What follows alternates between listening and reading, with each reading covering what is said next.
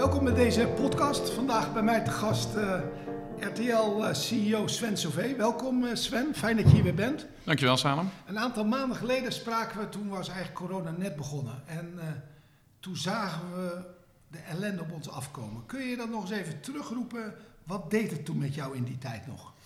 Uh, er kwam veel op ons af. Uh, eigenlijk tweeledig. Enerzijds natuurlijk de gezondheid van het personeel, de keuzes die je daarin moet maken. Wat ik toen ook al aangaf, is dat binnen onze organisatie een heel deel van de processen door moeten gaan. De nieuwsvoorziening, uh, dagelijkse talkshows zoals Jinek. Hoe ga je zorgen dat dat deel van de producties kunnen blijven draaien zonder dat daar gezondheidsrisico's ontstaan? Parallel daaraan de keuze om het hele kantoor dicht te doen en al iedereen te vragen om vanuit thuis te werken. Dat was een ingewikkelde balans. Daar hebben we ons wel heel snel in hervonden. En dat heeft ook goed gewerkt. Maar daar komt op dat moment wel veel operationele vraagstukken op je af. Ja, en parallel daaraan is natuurlijk gewoon zorgen dat je bedrijf gezond blijft. En dat je koers houdt. Uh, en dat was wel het balancing act waar we maanden in hebben gezeten. Ja. En als ik erover praat, lijkt het ook alweer heel ver terug. Ja. Wat uh, was het moeilijkste besluit wat je hebt moeten nemen in deze tijd? Uh, ik vond het gezondheidsvraagstuk het meest ingewikkelde. Hoe zorg je ervoor dat, uh, dat je voor iedereen een veilige werkomgeving kan creëren... zonder dat je core-processen gewoon uh, in gevaar komen en de operatie kan blijven draaien? Dat vond ik voor mezelf iedere keer een ingewikkelde. En je eigen rol daarbinnen. Want ik ben iemand die graag dicht bij het vuur staat... en ook graag dan op zo'n moment... op de werkvloer zou zijn. Maar ik merkte ook wel dat het gewoon belangrijk was dat je afstand nam en gewoon zorgde dat alle processen uh, dat je die op afstand bleef aansturen. En dat was al een, uh, vond ik zelf al een moeilijk besluit om daar de goede balans in te vinden. In het begin weet ik nog wel dat je gewoon uh, was je thuis en was je helemaal niet op kantoor. dat toen is er, uiteindelijk is er wel weer een fase gekomen dat je weer naar kantoor bent gegaan, of niet? Ja, we hebben gelukkig behoorlijk wat ruimte bij ons op het hoofdkantoor. En we hebben heel snel met een corona-werkgroep die we in het leven hebben geroepen uh, het kantoor aangepast aan de, aan de nieuwe richtlijnen, dus de anderhalve meter, uh, looppaden en looprichtingen. Uh, we hebben gelukkig een pand wat maar bestaat uit vijf etages, dus wij hebben niet enorme wolkenkrabbers met liften. Dus we konden vrij makkelijk het kantoor aanpassen aan de nieuwe setting. We merkten dat er heel veel behoefte was bij personeel om wel weer elkaar gewoon te zien. Ik vind kantoor toch echt wel een omgeving van een soort interactie en inspiratie. Nou, dat merkten wij. Dat konden we snel invullen en toen hebben we vanaf juni fasegewijs en op vrijwillige basis het kantoor weer opengesteld. Ja. En uh, toen het goed en wel weer helemaal open was, uh, ontstond er weer een, uh, een, een, een, nieuwe golf. Ja. Die eigenlijk ontstond zo zeg maar eind augustus. Ja. En toen hebben we besloten om weer af te schakelen, omdat je de core-processen niet in gevaar wil brengen. Oké. Hey, en toen weet je ook zelf, op social media kwam je ergens op een feestje stond je te dicht bij iemand. En toen moest je zelf ook weer in quarantaine. Hoe is dat om als publiek figuur dan zo, wat Grapperhaus nu ook heeft meegemaakt, hoe is dat om dat te ervaren? Uh, nou, dat uh, was een behoorlijke tsunami en aandacht die op zo'n moment over je heen komt. Ik had zelf me niet eens gerealiseerd dat de foto gepubliceerd was. Uh, maar in één keer staat hij op social en denk je, oké, okay, dit, dit heeft consequenties. Dan vind ik dat je in je rol en positie die je hebt gewoon een voorbeeldrol hebt. En ik heb toen ook geen moment getwijfeld. Ik gezegd, nou, ik heb uh, uh, me niet gehouden aan de richtlijnen. Ik heb er allerlei redenen voor waarom ik het kan uitleggen. Maar die vind ik niet relevant. Ik vind dat ik een, een voorbeeldpositie heb en ik kies ervoor om dan twee weken vanuit thuis te gaan werken. gelukkig is alles bij ons zo goed ingeregeld dat dat ook prima werkt. Maar je realiseert jezelf wel in één keer dat je daar gewoon een, een, een, ja, een, een voorbeeldpositie in te vullen hebt. En dan moet je ook naar gedragen. Oké, dus dat is de nadelen van een publiek figuur zijn eigenlijk. Ja, ik denk dat ik er zelf af en toe nog aan moet wennen dat ik een publiek figuur ben. En dit was in mijn ogen een, eh, een feestje waarin verder alles keurig voor zijn richtlijnen verliep. Alleen dat ene snapshot niet. En degene die de foto maakte, dat is een goede vriend van me. Dat is zelf een eh, bekende uh, kapper visagist. En die mag wel heel de dag aan mensen uh, zitten natuurlijk, vanwege ja. zijn werk, een contactberoep. En het maken van een foto mag dan niet. En dat had hij zich niet gerealiseerd. En daar kan ik me ook alles bij voorstellen. Want dit is voor hem natuurlijk de dagelijkse praktijk. Dus ja. je mag wel heel dicht op iemand zitten qua werk. Maar een foto maken en plaatsen kan dan even niet. Nou, dat was voor denk ik alle betrokkenen een lesson learned. Ja, precies. Laten we eens kijken, hoe is het nu eigenlijk, uh, vandaag 10 september? Uh, hoe schat jij in hoe het met het land gaat? Weet je, als RTL-directeur krijg je het nieuws krijg je voor je, je krijgt programma's schets eens even hoe jij de samenleving op dit moment ziet. Wat doet corona nu nog met de samenleving? Ja, je ziet dat de impact heel groot is. Ik merk uh, dat mensen het uh, moeilijk vinden om volgens mij te accepteren dat het uh, een langblijvend iets is. Ik denk dat mensen toch allemaal hebben gehoopt dat er vrij snel het virus... Het leek even alsof het virus onder controle was, voornamelijk natuurlijk net voor de zomer. Uh, dan komt er toch in één keer weer de oproep vanuit de overheid van luister, de uh, infectiegevallen nemen toe. Mensen krijgen weer vakantielanden die op oranje of rood ja. worden gezet. Gevoel van onzekerheid neemt dan weer toe. En dat voel je wel heel erg in de maatschappij natuurlijk ook steeds meer kritische geluiden van pakken we het nu goed aan. En, en, dat sentiment voel ik wel heel erg sterk. Dat is ook wat wij zien in onze programma's, dat dat continu blijft spelen. En dat nieuwe normaal waar iedereen het over heeft, nou, die balans hebben we echt nog niet gevonden. Hoe zie je dat in jullie programma's? Maak het eens duidelijk. Uh, nou, je merkt dat het continu een topic is. Alleen al in de manier waarop programma's tot stand komen, de manier waarop je produceert. Eh, we hebben ook recent uh, bijvoorbeeld een uitbraak meegemaakt van, of een uitbraak, we hebben twee corona-incidenten gehad in de productie van The Voice Senior. Daar is heel snel adequaat op gereageerd, maar in één keer realiseer je wel, ja, het, het is here to stay voorlopig, ja. totdat er een vaccin is. En dat kan nog wel even duren, lees ik nu weer in de pers. Um, en daar moet je wel mee omgaan. Dus ik denk dat we met z'n allen een vorm moeten vinden over het feit dat het er is en er voorlopig zal zijn. En dat het uh, virus ook af en toe heel dichtbij kan komen. En dat je met z'n allen je daartegen moet wapenen hoe je dan goed optreedt. Ja. Maar het, het, feit dat er een infectie kan plaatsvinden binnen het bedrijf, binnen producties waar je verantwoordelijk voor bent, die kans is vele malen groter dan dat, dat je er niet mee geconfronteerd wordt. Willen dat de, doet wat met mensen. Willen de kijkers ook nog over corona horen of worden ze langzamerhand corona moe? Nee, uh, niet meer dagelijks, uh, maar wel op het moment dat het relevant is. En ik vind dat we daar een goede balans in hebben gevonden.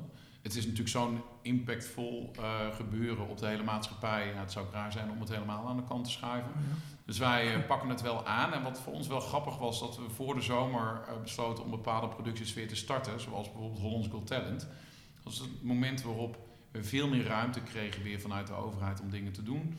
Toen dachten we, ja, moet je dan nog het coronagevoel wel of niet laten zien ja. in je programma? Is het in het najaar misschien iets wat achter ons ligt of deels achter ons ligt qua gevoel? En moeten we dat nog doen? En ik vind het knap om te zien dat alle relevante producties daar een hele passende oplossing voor hebben gevonden. En dat de kijker het prima vindt. Dit is even de nieuwe manier van produceren. Dit is hoe programma's eruit zien. Geen grote massa's publiek meer bij elkaar. En mensen begrijpen dat. Maar je moet er wel echt serieus over nadenken. Ook in hoeverre je het nog zichtbaar wil maken in je programmering en hoe niet. Ja, ja. Hey, en jullie zijn ook wel een beetje een barometer hoe het met het Nederlandse bedrijfsleven gaat. Hoe gaan uh, de advertising-inkomsten bij jullie? Of spenderen bedrijven nog weer media uh, aan media? Ja, we hebben uh, in het begin van de crisis een enorme terugval gehad. Dat ging ongelooflijk hard. daar hebben we het hele bedrijf ook op aangepast. En we zagen zo richting de zomer de eerste tekenen van herstel. En als ik nu kijk wat de verwachtingen voor Q3 en Q4 zijn dan zijn die vele malen positiever dan ik in welk scenario dan ook rekening mee heb gehouden. Augustus was echt wel een prima maand. Het is natuurlijk bij ons qua omzet een kleine maand, omdat het een zomermaand is. Maar ook september ziet er naar omstandigheden eigenlijk veel beter uit dan we hadden verwacht. Ik merk dat het uiterst volatiel is. Ik uh, durf Q3 ongeveer nog wel te voorspellen, maar Q4 durf, durf, ik echt mijn hand al niet voor in het vuur te steken. Ja. En uh, voorspellingen voor 2021 zijn helemaal ingewikkeld. Hoe duid je dat dan nu toch wel weer de bestedingen en media, dat bedrijven dat doen? Wat, wat, wat zit erachter? Hebben ze weer vertrouwen uh, of hebben ze het uitgesteld of wat is het? Nou, wat ik zie is dat adverteerders uh, natuurlijk gewoon nog steeds ook hun doelstelling willen realiseren. En ook willen blijven investeren in hun merken. Uh, dus, en er zijn gewoon budgetten. Er zijn natuurlijk ook branches die het prima hebben gedaan ja. in de crisis. Er zijn een paar branches die het echt zwaar hebben. Dat zien we nog steeds terug. Leisure and travel is natuurlijk zo'n onderdeel. Automotive heeft het ja. zwaar. Dus dat zijn branches die zich uh, voorlopig denk ik ook nog niet gaan herstellen naar de niveaus die we kennen. Maar er zijn ook een hele hoop branches, met name in de e-commerce hoek, de retail, uh, pharmacy. Dat zijn echt wel branches waar gewoon natuurlijk goede omzetten zijn gedraaid. En die blijven ook serieus investeren. Wat ik wel zie is dat ze kiezen voor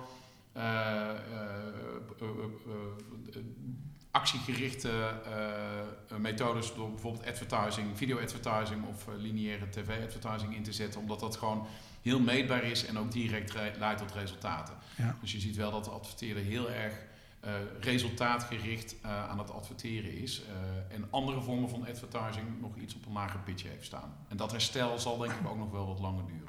Hoe kijk je daar tegenaan? Want toen we elkaar eerst spraken, dacht je, nou, dit jaar gaat helemaal kapot, zeg maar, eigenlijk voor jullie. En nu zie je het weer aantrekken. Hoe is dat om zo'n bedrijf te leiden? Van denk je, oh, nou gaat helemaal fout, totdat je zegt, het trekt weer aan. Hoe ga je daarmee om zelf? Ja, wij hebben eigenlijk vanaf het begin van de crisis wel dat duale gevoel gehad. Want uh, tv-advertising ging natuurlijk bij ons helemaal niet goed. Maar Videoland, wat onze SVUD-service is, dat groeide als kool. En dat werd natuurlijk, die kreeg een enorme boost juist door corona. Ja. Dus we hebben vanaf het begin af aan eigenlijk één deel van de business het moeilijker zien krijgen. Een ander deel van de business groeide extreem hard. Uh, dat is een van onze belangrijkste, een van de, dat is de belangrijkste paarden van onze strategie naar de toekomst toe. Dus daar waren we ongelooflijk blij mee. Die groei is onverminderd doorgegaan. Uh, en we zien nu bij tv-advertising dat dat ook aantrekt. Uh, daar hadden we iets minder rekening mee gehouden. Dus dat was een hele prettige bijeenkomst. Of een samenkomst van omstandigheden. Want we hebben nu twee dingen die aan het groeien zijn. Je kostenbasis is wel aangepast op een structurele daling gedurende het hele jaar. Ja. Waardoor je eigenlijk financieel steeds sterker voor komt te staan. En dat was een plaatje wat ik. Uh, ik wist wel dat we financieel sterk de crisis uit zouden komen, want eh, we zijn een financieel gezond bedrijf. Maar ik zie nu ook nog wel dat het uh, best wel een oké jaar gaat worden qua financiële performance van het Giro. Kun je nog eens, want al die streamingdiensten die lopen goed. Hè? Als je Netflix ziet dat groeit, jullie groeien. Hoe houden jullie staande in die streaming service competitie? Erg uit te gaan van onze lokale kracht. Uh, ik vergelijk het altijd met uh, grote international giants, wat allemaal techspelers zijn die in content stappen. En wij zijn een contentspeler vanuit de historie van ons bedrijf, die in het technologiedomein aan het concurreren zijn. En dat doen we met royale financiële middelen, maar we hebben natuurlijk nooit de financiële middelen die deze grote internationale spelers hebben. Dus dat betekent dat je het slimmer moet doen. Uh, dus wij zetten echt volledig in op uh, lokale content. Wij denken dat wij de Nederlandse markt beter kennen dan welke internationale speler ook. En we hebben royale budgetten beschikbaar om daarin te blijven investeren. Dat doen we enerzijds in de user experience. We moeten natuurlijk wel meekomen op technologisch vlak en ongeveer dezelfde dienstverlening of ervaring kunnen bieden als internationale spelers. Maar met name met lokale content willen wij het verschil maken. Dat vullen we aan met goede internationale content. Maar voor ons is echt lokale content het meest relevante. En wat ik zelf wel prachtig vind om te zien is dat bij ons ongeveer 70, 80 procent van alles wat we brengen lokale content is. En als ik kijk naar onze grote internationale concurrenten, bijvoorbeeld Netflix, is dat uh, een fractie van wat ze aanbieden. Uh, wat ze maken doen ze goed, maar ik vind dat wij een veel royaler en beter aanbod hebben. Wat was je hit? Wanneer zie je, wat was je beste content de afgelopen maanden? Uh, als ik kijk naar Videoland als Mokromafia, ongeëvenaard succes. Dat was echt prachtig. We hebben de documentaire van Fred van Leer, die ook genomineerd, beide ook genomineerd voor een televisiering. Wat wel heel prachtig is, dat zelfs dit soort content op een 4D-platform voortaan voor die prijs in aanmerking komt. Dat heeft het ook ongelooflijk goed gedaan. Um, dus dat zijn echt wel uh, ja, pareltjes in onze content. En dit najaar hebben we uh, ons best gedaan om zoveel mogelijk content te produceren. We hadden natuurlijk wel beperkingen. Uh, en daar zien we nu dat er wel een hele mooie line-up staat. Uh, ja. Volgende week begint de Drag Race Holland. Uh, ik vind het zelf ongelooflijk stoer dat wij um, dat format, wat internationaal enorme trouwenscharen en fans heeft, nu naar Nederland halen. En gewoon op Videoland voortaan de budgetten hebben om gewoon echt groot internationaal studio Wat is, wat, waar gaat het over, Drag Race? Het gaat over een, uh, dit is uh, de Nederlandse spin-off van RuPaul's Drag Race. Uh, een enorme internationale hit waarbij drag personalities het tegen elkaar opnemen in een competitie. Uh, en het is uh, een zeer extravagante show. Fred van Leer doet, is de host. Ik vind het prachtig dat dit thema in het kader van diversiteit en inclusiviteit nu een plek kan krijgen op, iets, op een platform als Videoland. En wat prachtig is natuurlijk nou, het extravagante van de show, maar ook gewoon de verhalen achter deze mensen en de personalities die meedoen. Het is, ik heb de eerste twee afleveringen gezien. Nou, ik vind het echt uh, uniek dat wij deze vormen van content voor te kunnen brengen. Daar ben ik ah. echt heel trots op. En Mokromafia eigenlijk hetzelfde. Dat zou nooit hebben gewerkt of hadden we nooit kunnen uitzenden op onze lineaire kanalen. Dat, uh, en, en bij Videoland is het gewoon een ongelofelijke hit. Mooi. Hey, uh, je geeft zo die drag race aan, je, je duidt al diversiteit. Black Lives Matter is ook een thema geweest. Hoe, wat voor een uitdaging had jij als CEO van RTL hiermee? Ja, nou, dat, dat waren, wij hadden dit thema eigenlijk vorig jaar al in de directie besproken, dus in 2019. En we hadden het voor 2020 al als een belangrijk topic geagendeerd van hier moeten we wat mee binnen ons bedrijf. Ja. Dat was voordat zeg maar, de hele internationale opheffer was. Wij zijn daar toen uh, mee aan de slag gegaan. We hebben met de directie daar uitvoerig over gesproken. Want Wij vinden dat wij als, hè, we zijn een spiegel van de maatschappij, we vertellen de verhalen die leven in Nederland. Dan moet je zowel voor als achter de camera ook gewoon uh, ja, alle stromingen van die maatschappij verankerd hebben in je bedrijfsvoering, op plekken binnen je organisatie, voor en achter de camera. Dus daar waren we al druk mee bezig. Uh, wij zijn overwegend ook nog een, uh, een, een, een, wit bedrijf. Uh, ik vind dat we goede stappen zetten. We hebben echt op dat vlak in het verleden al heel veel keuzes gemaakt en dat gaat goed. Maar vind dat je daar nooit stil mag staan en we kunnen nog wel wat diversiteit gebruiken. Als ik kijk bijvoorbeeld naar ons techbedrijf, daar zitten 30 nationaliteiten. En in, tech, in die techhoek ja, komen mensen van heinde en verre voor ons werken, wat prachtig is. Op andere plekken denk ik dat we daar nog wel wat stappen kunnen zetten. Nou, daar zijn we heel druk mee bezig. Daar kwam dat Black Lives Matter natuurlijk in één keer overheen, waardoor dingen gewoon nog eens een keer extra kritisch worden bekeken. En toen hebben we nog wel eens een keer herijkt van waar staan wij nu en moeten we op sommige punten versneld bijsturen, ja of nee. Uh, voor ons waren we al ver in het proces, dus we hebben de conclusie getrokken dat het voor ons dat we gewoon door moeten gaan op de manier waarop we nu al, waarop we het beleid hadden ingestoken. En dat is uh, iets waar we continu de aandacht op zullen houden. Heb je, wat dan? Jij bent homoseksueel. En welke rol wil je daarin spelen? Want daar is natuurlijk ook nog heel veel te doen.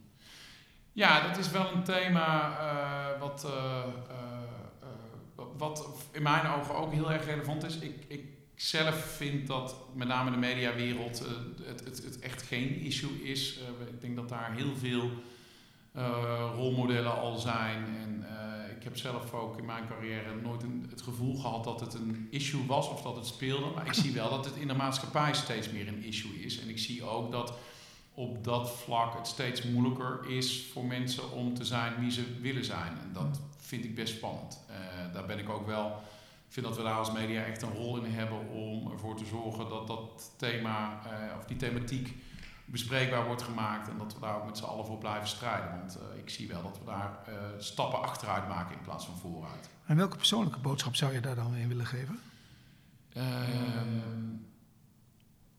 ja, persoonlijk, ik, omdat ik vind het zelf af en toe moeilijk om op dit, omdat ik er zelf echt niet vaak in de praktijk mee te maken heb dat het uh, iets van een blocking issue was, ja? zowel privé niet als zakelijk. Maar ik zie het om me heen wel gebeuren en ik vind dat het echt belangrijk is dat we elkaar daarin helpen. Uh, blijven bespreken met elkaar en ook waar mogelijk uh, gewoon uh, ja, de juiste rolmodellen neerzetten. Om, om, ervoor te zorgen dat mensen gewoon kunnen zijn wie ze willen zijn. Jij bent wel een rolmodel daarin. Succesvol, ja. last van hebben. hoe, hoe ben je zo'n rolmodel geworden? ja, door vooral altijd mezelf te zijn. en ik heb denk ik de mazzel dat ik uit een omgeving kom waarin het nooit een issue is geweest. In mijn familiekring niet, in mijn familie. Of in mijn vriendenkring niet, in mijn familie ook helemaal niet.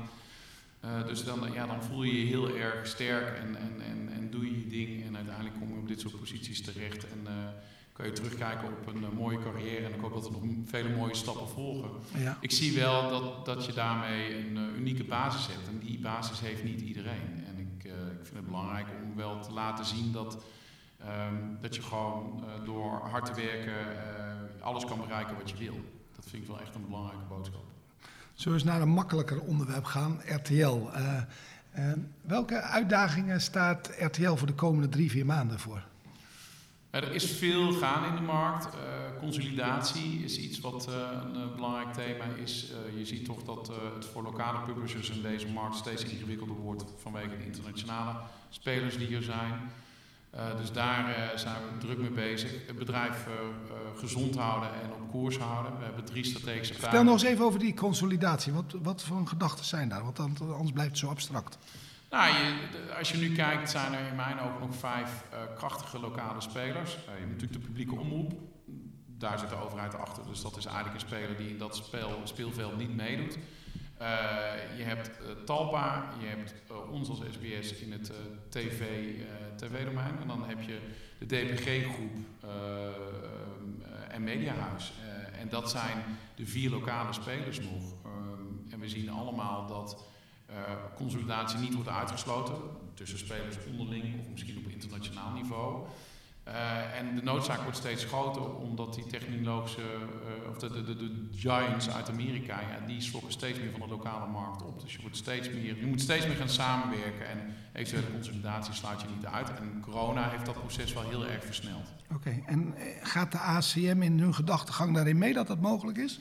Uh, ik heb daar met de ACM nog helemaal geen gesprek over gevoerd. Op dit moment zie ik dat de overheid en de ACM het nog allemaal als gescheiden markten ziet. Ik denk dat het een verouderde blik is. Ik denk niet dat, dat reëel is om op die manier naar de markt te kijken. De grootste consolidatie uh, die we recent hebben gehad is het samengaan van, of de, overname van Sanema door DPG. Ik weet dat daar al uh, behoorlijk wat discussies met de ACM over zijn gevoerd. En ik denk naar de toekomst toe dat dit soort vraagstukken steeds relevanter worden. Maar de met een traditionele blik kijken naar de media-industrie in de breedte, dat gaat hem niet worden naar de toekomst toe. Wil je lokaal nog sterke spelers overhouden? Oké, dus uh, we kunnen naar de toekomst dat er consolidatie gaat komen, dat lijkt bijna wel een zekerheid als ik je zo hoor. Ja, maar dat hoeft niet zozeer alleen tussen partijen in Nederland te zitten, maar dat kan ook zijn dat er nog krachtige internationale allianties worden gesloten. Dat kan alle kanten op gaan. Ik hoorde laatst wel een mooi vergelijk dat we in een tijd leven van asymmetrische concurrentie. Uh, voorheen was ons concurrentieomveld uh, natuurlijk de publieke omroep en, en, en, en Talpa. Uh, tegenwoordig is ons concurrentieomveld alles van deze traditionele partijen tot aan de Netflixen, de Facebooks en de YouTubes van deze wereld. En dan komt Amazon nog eens een keer bij en is Disney bijgekomen. En dat zijn natuurlijk allemaal compleet andere spelers. En die consolidatie kan ook over al die asymmetrische assen gaan plaatsvinden. Oké, helder. Dat was één daging. Uh, daar heb je duidelijk uitgelegd, die consolidatie. Wat, welke uitdagingen nog meer voor RTL? Nou, voor ons is het strategisch koers houden en zorgen dat we, uh, de, uh, we hebben budgetten om te investeren, maar dat we dat geld slim spenderen. We hebben drie strategische pijlers gedefinieerd en die willen we de komende periode verder laten uitgroeien. Dat is de groei van Videoland, daar gewoon volop in blijven zetten. We hebben de Ad Alliance gecreëerd. waar je Wat is dat? Dat is een, we hebben een, ons sales huis, wat voorheen alleen de voorraad van de videovoorraad van RTL verkocht. En onze sales date doet nu voor vele partijen in de markt de, de verkoop van de advertentieruimte. Uh, en dat is een belangrijke consolidatieslag die wij in de markt ja. hebben gedaan.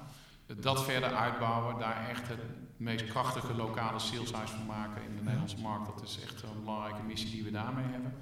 En het derde is dat wij in onze digitaal portfolio uh, dingen willen centreren naar één omgeving, dat is RTL NL. Uh, dat is meer iets achter de schermen, maar dat gaat wel heel veel efficiëntie bij ons creëren en veel meer impact met de digitale extensies die je hebt. Oh ja. uh, dat is een derde pijler en die drie pijlers zijn ook voor 2021 leidend. En we moeten kijken hoe we kosten kunnen besparen binnen het bedrijf op diverse plekken om te kunnen blijven investeren in deze groeipijlers. Is het moeilijk om, wat je zegt, het is een uitdaging om een strategische koers vast te houden. Wat maakt het moeilijk om hem vast te houden? Uh, nou, de, de, de, volatiliteit in de markt, dus de strategische koers is helder, uh, daar blijven we ook op inzetten. Het gaat gepaard met moeilijke keuzes. Je moet vaak in de traditionele business, waar we jarenlang uh, prima ons geld hebben verdiend, moeilijke keuzes maken om te kunnen blijven investeren in, in, in de toekomst. Ja. En we hebben gelukkig een hele sterke aandeelhouder en een financieel gezond bedrijf, waardoor we die ruimte hebben. Ehm, maar je moet het wel slim doen. Uh, en met alle volatiliteit in de markt heb je nog wel eens wat operationele issues die ja. zeg maar heel veel aandacht vergen. Maar je, die strategische koers moet je toch ook wel serieus in de gaten blijven houden. Er is net een mooi boek uitgekomen van de Netflix-baas. en dat, die zegt no rules rules. En eigenlijk komt het op een paar dingen neer. dat hij heel nadrukkelijk zegt, als je goede mensen hebt, heb je minder regels. Dus hij stelt vakantiedagen ook uit. En dat de mensen heel erg feedback moeten krijgen, zeg maar. Hoe is dat als je naar de toekomst van RTL en jullie cultuur, wat is daar nog voor een uitdaging te gaan in je eigen RTL-organisatie? Uh, we hebben drie jaar geleden zijn we gestart met een behoorlijk drastische wijziging van de hele koers. De strategie is bijgesteld, we hebben de organisatierapen aangepast, maar ook de cultuur zijn we continu mee bezig. Uh, we hebben echt een compleet andere organisatie staan. We werken voortaan helemaal agile. Dat betekent ook voor ons als directie dat je op een hele andere manier moet leren werken. We hebben compleet andere mensen uh, aangenomen. Ik denk dat uiteindelijk ongeveer 60% van ons management is gewisseld. Ja. Met heel veel nieuw jong talent. en die werken op een andere manier. Ik vind het zelf heerlijk. We hebben op alle plekken mensen zitten die beter in hun werk zijn dan ik. Nou, dan, ja. dat maakt je eigen leven een stuk makkelijker. En ik zie wel dat je die mensen heel veel vrijheid moet geven om hun besluiten te nemen. Dus alle keuzes die we nu maken zijn data gedreven en zijn erop gericht om zoveel mogelijk waarde te creëren voor onze klant. Dat kan consument zijn, bijvoorbeeld een platform als Videoland, of de adverteerder zijn in Atomize. Ja. En de teams maken zelf een keuze hoe ze hun resources daarop inzetten. Ja. Uh, nou, ik ben iemand die ook vaak een mening heeft. Maar ik realiseer me wel dat als ik, voor deze mensen daar dwars doorheen kom met mijn mening, dat gaat ze niet helpen. Zij moeten de keuzes maken. Ik zorg dat ze de resources hebben en dat er een omveld wordt gecreëerd waarin zij hun ding kunnen doen. Maar de besluitvorming ligt echt bij hun. En dat is voor iedereen wennen. Ook Bijzonder ook voor jou, denk ik. Ja. Wat is het moeilijkste? Wat is het moeilijkste voor jou? om je eigen mening af en toe niet door te duwen. En gewoon echt te luisteren naar de argumentatie die zij hebben. En in alle eerlijkheid, in denk ik, uh, nou, 99% van de gevallen hebben ze vaak een heel wel overwogen besluit genomen. En denk ik ook van, hé, het klopt, dus uh, ga alsjeblieft zo doen. Ja. En dat vind ik zelf wel een hele leuke manier van werken. Maar het vergt ook bij jezelf wel een andere manier van leiding geven. En, en wij als directieteam zijn daar continu mee bezig van hoe moeten we onszelf daar ook op inrichten en op aanpassen. Ja, wat uh, goed om te horen. Hey, en dan elke dag komen die kijkcijfers binnen. Ja. Dat zijn dagkoersen. Ja. En dat zijn nogal wisselende dagkoersen. Hoe ga je daar nou mee om als uh, baas van RTL? Nou, ik, die, die, die, dagkoersen zijn we wel aan gewend, maar ik vind het altijd belangrijk dat je het grotere plaatje uh, in, nou, in de gaten houdt. Maar je wordt door die dagkoersen af en toe wel enorm afgeleid. Want uh, het, zijn, uh, het is een thematiek die goed scoort in de media. Er worden hele columns mee gevuld. Uh, er worden, het zijn de meest populair bekeken artikelen als het over kijkcijfers gaat. En wat wel scoort en wat niet scoort. En presentatoren die het wel goed doen en niet goed doen. En ik merk zelf dat ik daar met enige regelmaat nuance mis. ik vind het helemaal niet erg om mening te horen. Sterker nog, die zijn denk ik altijd maar uitermate belangrijk. Ook voor ons om daarnaar te kijken. Maar bijvoorbeeld de interpretatie van kijkcijfers. Uh, ja, wij kijken naar, wij worden afgerekend op het bereik dat we hebben in een commerciële doelgroep. Ja, ja. Dat is de leeftijdscategorie 25 tot 54. Dat is het enige waar wij naar kijken. In de media wordt continu uh, het totale bereik in de hele doelgroep gemeten. Dus iedereen boven de 6 plus. Uh, dat is niet ons spel. Daar zijn wij niet voor het leven geroepen. Voor de publieke omroep is dat belangrijk, maar voor ons niet.